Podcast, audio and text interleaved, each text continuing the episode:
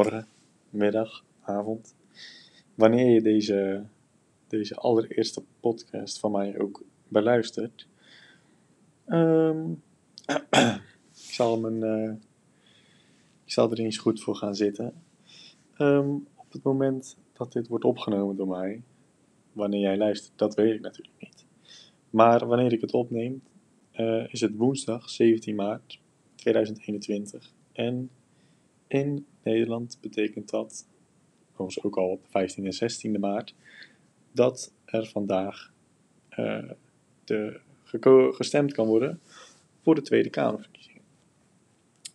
Um, dit is mijn allereerste podcast en mijn allereerste keer dat ik mag stemmen uh, voor de Tweede Kamerverkiezingen.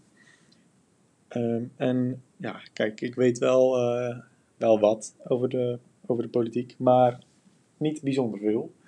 En dus heb ik waarschijnlijk, net als vele andere jongeren, en waarschijnlijk niet alleen jongeren, volwassene mensen, uh, in Nederland de stemwijzer ingevuld op uh, stemwijzer.nl. En daarin kwam ik de volgende stelling tegen. Het is in stemwijzer de bedoeling dat je aan de hand van 13, 30 stellingen uh, bekijkt uh, welke partij of partijen het dichtst uh, bij jou staan of aansluiten bij jouw ideeën. En een van de stellingen die ik tegenkwam was gezichtsbedekkende kleding. en dan is de stelling: de regering moet het verbod op gezichtsbedekkende kleding afschaffen. Nou, dat is nogal wat. Daar wil ik het, uh, wil ik deze komende, komende podcast even met jullie over hebben. Ja, want uh, in 2019 op 1 augustus is er een nieuwe wet uh, ingegaan, uh, namelijk de wet gedeeltelijk verbod gezichtsbedekkende kleding. Ehm, die is toen ingegaan. En uh, in de volksmond wordt dat ook wel burka of niqab-verbod genoemd. Uh, vanaf dat moment was het niet toegestaan uh, om in het onderwijs, overheidsinstellingen, de zorg en het openbaar vervoer gezichtsbedekkende kleding te dragen. Um, dus in de bus, tram, metro, trein, in en rondom gebouwen van het onderwijs, dus ook rondom de zorg en de overheid. Uh, op deze locaties is het voor sociale veiligheid en dienstverlening belangrijk dat iedereen elkaar kan herkennen en kan aankijken. Het is daarom niet toegestaan om kleding te dragen die het gezicht onherkenbaar maakt, zoals een integraal helm. Integraal helm, ja, ik lees het goed. Uh, bivakmuts of burka. Zo luidt uh, die wet. Iemand met een gezichtsbedekkende kleding kan in het openbaar vervoer en in een gebouw van het onderwijs, de zorg en de overheid op het verbod gewezen worden door een medewerker van locatie. De medewerker kan de betrokkenen vragen om gezichtsbedekkende kleding af te doen en anders de locatie te verlaten. Als de betrokkenen die, uh, dit niet doet, kan de politie worden ingeschakeld en riskeert degene een boete. Het verbod geldt niet voor kleding die nodig is ter bescherming van het lichaam bij bijvoorbeeld de uitoefening van een beroep of sport. Het verbod geldt ook niet voor cliënten, patiënten of hun bezoekers in woonruimtes van zorginstellingen waar mensen voor langere tijd verblijven. Tot slot geldt het verbod ook niet voor kleding die passend is bij feestelijke en culturele activiteiten. Het is dus nogal wat. Um, ik heb daar even over nagedacht.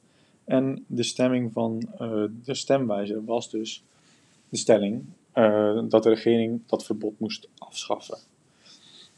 Um, ja, ik, ik ben het daar uh, aan de ene kant dacht ik snel, nou dat moeten ze niet afschaffen, want ik wil ook liever kunnen zien wat iemand, hoe iemand eruit ziet. Niet dat ik diegene wil herkennen, maar ik kan me voorstellen dat er mensen zijn die zich minder veilig voelen of, of, of ja, als er iemand zit met een, met een, met een nou komt dat waarschijnlijk niet vaak voor, ja, dat geeft geen fijn gevoel. En uh, voor zulke uh, gezichtsbedekkende kleding begrijp ik het verbod dan. Um, maar voor, uh, voor mensen die dat doen voor hun geloof, bijvoorbeeld een boerka, is dat natuurlijk een ander verhaal, omdat, dat, omdat zij, zij zijn overtuigd dat dat, zo, dat dat nodig is voor hun geloof. en daar zit dan ook de discussie denk ik. En dat is een culturele, ja, een probleem dat je dat ervaren kan worden.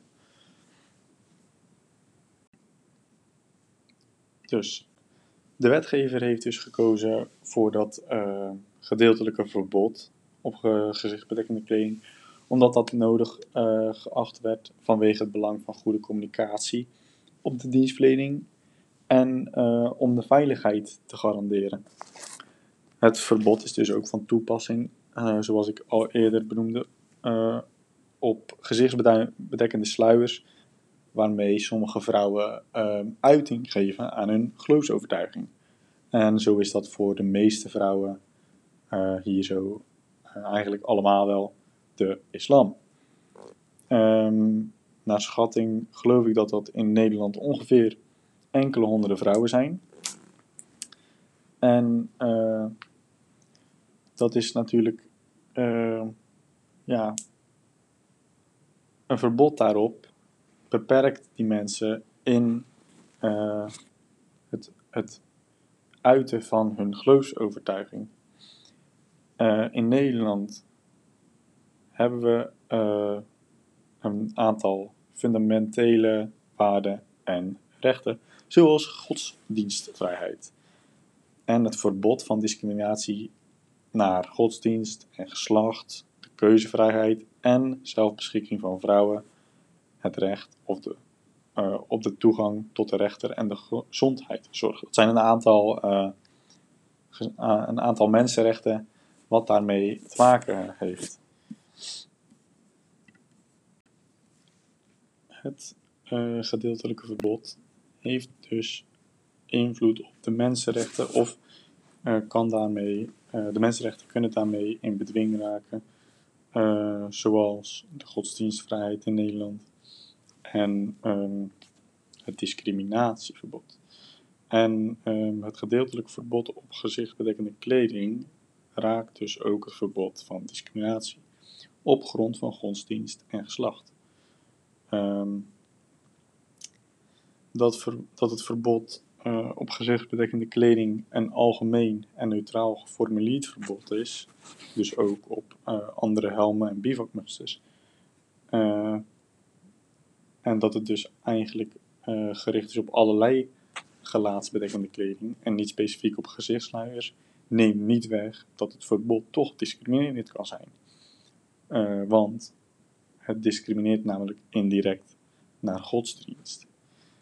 Uh, zo zouden de mensen die dat uh, geloven en die het verbod treffen, namelijk vrouwen die in verband met hun geloofsovertuigingen gezichtsluiten, uh, dat zo kunnen ervaren.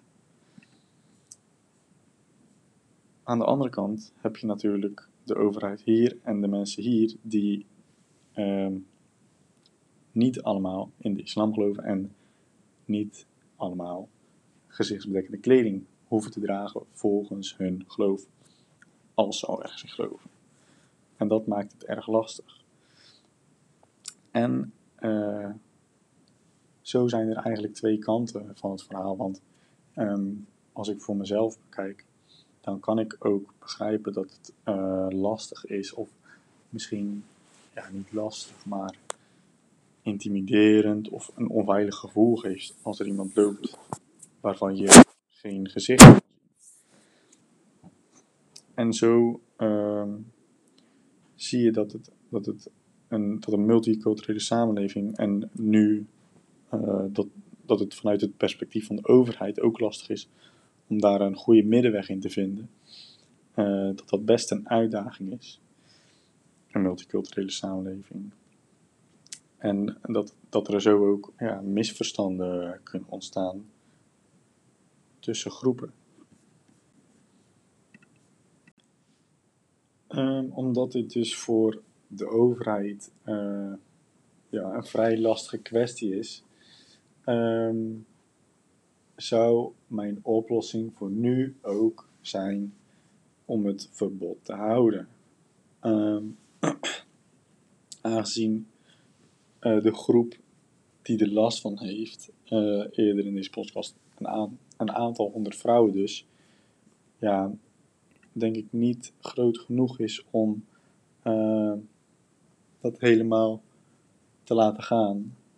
En het verbod dus helemaal af te schaffen, omdat er genoeg mensen zijn in de zorg die er wellicht uh, zich onprettig bij voelen of in het onderwijs daar moeite mee hebben. Uh, dus zou ik voor nu, of is mijn oplossing voor nu dus, het gewoon zo laten zoals het is en het verbod uh, in, in openbare gebouwen als onderwijsinstellingen, zorginstellingen, overheidsgebouwen, openbaar vervoer zo houden. Op straat mag het wel gewoon. Uh, ja, dat zou ik gewoon handhaven. Um, wellicht is het een idee, mocht er een uh, vervolgaflevering komen van deze podcast, um, zou het misschien een idee zijn om een interview te houden met iemand die in een uh, zorginstelling werkt en zijn ervaring haar ervaring daarmee met ons kan delen. Uh, voordat het verbod inging, of wat zij, wat, zij wat, wat die persoon zou vinden, um, mocht het verbod er niet zijn en mensen met gezichtsbedekkende kleding zouden binnenkomen. En uh, natuurlijk iemand van de andere kant, iemand die voor zijn of haar geloof, waarschijnlijk een vrouw in dit geval, een islamitische vrouw, die voor haar geloof gezichtsbedekkende kleding draagt, wat die van, de, van het verbod vindt en uh, wat haar mening is, dan dat we het vanaf twee kanten uh, zouden kunnen horen. Dat lijkt me interessant. Dat is een goed idee voor, de, voor een volgende episode, mocht het zover komen. Voor nu wil ik jullie bedanken. Mijn naam was Daniel, is Daniel, en ik wil jullie bedanken voor het luisteren. Tot de volgende keer. Ciao.